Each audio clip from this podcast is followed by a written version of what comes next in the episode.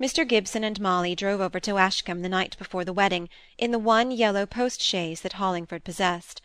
They were to be Mr. Preston's, or rather my lord's, guests at the manor house. The manor house came up to its name, and delighted Molly at first sight. It was built of stone, had many gables and mullioned windows, and was covered over with Virginian creeper and late-blowing roses. Molly did not know Mr. Preston, who stood in the doorway to greet her father. She took standing with him as a young lady at once, and it was the first time she had met with the kind of behaviour, half complimentary, half flirting, which some men think it necessary to assume with every woman under five and twenty. Mr. Preston was very handsome, and knew it. He was a fair man, with light brown hair and whiskers, grey, roving, well-shaped eyes, with lashes darker than his hair, and a figure rendered easy and supple by the athletic exercises in which his excellence was famous and which had procured him admission into much higher society than he was otherwise entitled to enter. He was a capital cricketer, was so good a shot that any house desirous of reputation for its bags on the twelfth or the first was glad to have him for a guest. He taught young ladies to play billiards on a wet day, or went in for the game in serious earnest when required. He knew half the private theatrical plays off by heart, and was invaluable in arranging impromptu charades and tableaux. He had his own private reasons for wishing to get up a flirtation with Molly just at this time. He had amused himself so much with the widow when she first came to Ashcombe, that he fancied that the sight of him, standing by her less polished, less handsome, middle-aged husband, might be too much of a contrast to be agreeable. Besides, he had really a strong passion for some one else, some one who would be absent, and that passion it was necessary for him to conceal. So that altogether he had resolved, even had the little Gibson girl, as he called her, been less attractive than she was, to devote himself to her for the next sixteen hours. They were taken by their host into a wainscoted parlour, where a wood fire crackled and burnt, and the crimson curtains shut out the waning day and the outer chill. Here the table was laid for dinner, snowy table linen, bright silver, clear sparkling glass, wine, and an autumnal dessert on the sideboard. Yet Mr. Preston kept apologizing to Molly for the rudeness of his bachelor home, for the smallness of the room, the great dining-room being already appropriated by his housekeeper, in preparation for the morrow's breakfast. And then he rang for a servant to show Molly to her room. She was taken into a most comfortable chamber, a wood fire on the hearth, candles lighted on the toilette table, dark woollen curtains surrounding a snow-white bed, great vases of china standing here and there. "This is my Lady Harriet's room when her ladyship comes to the manor house with my lord the Earl," said the housemaid, striking out thousands of brilliant sparks by a well-directed blow at a smouldering log. "Shall I help you to dress, miss? I always helps her ladyship." Molly, quite aware of the fact that she had but her white muslin gown for the wedding, besides that she had on, dismissed the good woman, and was thankful to be left to herself. Dinner, was it called? Why, it was nearly eight o'clock and preparations for bed seemed a more natural employment than dressing at this hour of night. All the dressing she could manage was the placing of a red damask rose or two in the band of her grey stuff gown, there being a great nosegay of choice autumnal flowers on the toilette table. She did try the effect of another crimson rose in her black hair, just above her ear.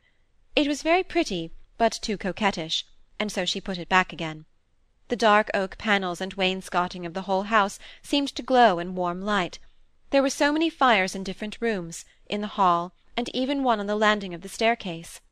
Mr. Preston must have heard her step, for he met her in the hall and led her into a small drawing-room, with closed folding doors on one side, opening into the larger drawing-room, as he told her.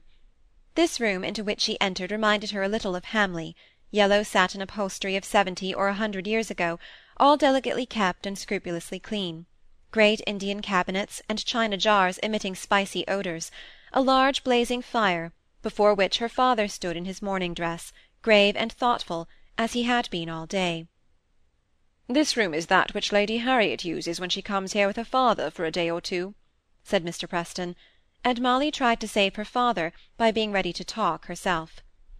"Does she often come here?" "Not often, but I fancy she likes being here when she does. Perhaps she finds it an agreeable change after the more formal life she leads at the Towers. I should think it was a very pleasant house to stay at," said Molly, remembering the look of warm comfort that pervaded it. But a little to her dismay, Mr. Preston seemed to take it as a compliment to himself. "I was afraid a young lady like you might perceive all the incongruities of a bachelor's home.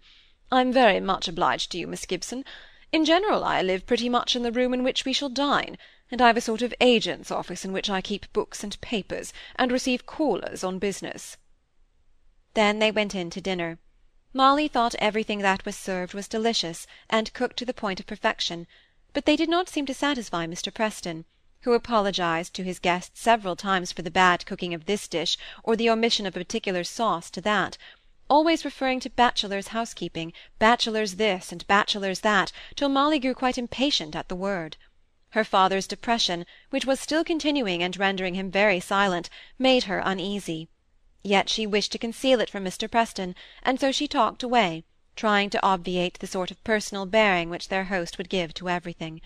She did not know when to leave the gentleman, but her father made a sign to her, and she was conducted back to the yellow drawing-room by Mr. Preston, who made many apologies for leaving her there alone. She enjoyed herself extremely, however, feeling at liberty to prowl about, and examine all the curiosities the room contained. Among other things was a Louis Quinze cabinet with lovely miniatures in enamel, let into the fine woodwork. She carried a candle to it, and was looking intently at these faces, when her father and Mr. Preston came in. Her father still looked careworn and anxious. He came up and patted her on the back, looked at what she was looking at, and then went off to silence and the fire. Mr. Preston took the candle out of her hand, and threw himself into her interests with an air of ready gallantry. That is said to be Mademoiselle de St. Quentin, a great beauty at the French court. This is Madame du Barry. Do you see any likeness in Mademoiselle de St. Quentin to any one you know? He had lowered his voice a little as he asked this question. No, said Molly, looking at it again. I never saw any one half so beautiful. But don't you see a likeness, in the eyes particularly? he asked again, with some impatience. Molly tried hard to find out a resemblance, and was again unsuccessful. It constantly reminds me of of Miss Kirkpatrick. Does it? said Molly eagerly. Oh, I'm so glad. I've never seen her, so of course I couldn't find out the likeness. You know her, then, do you?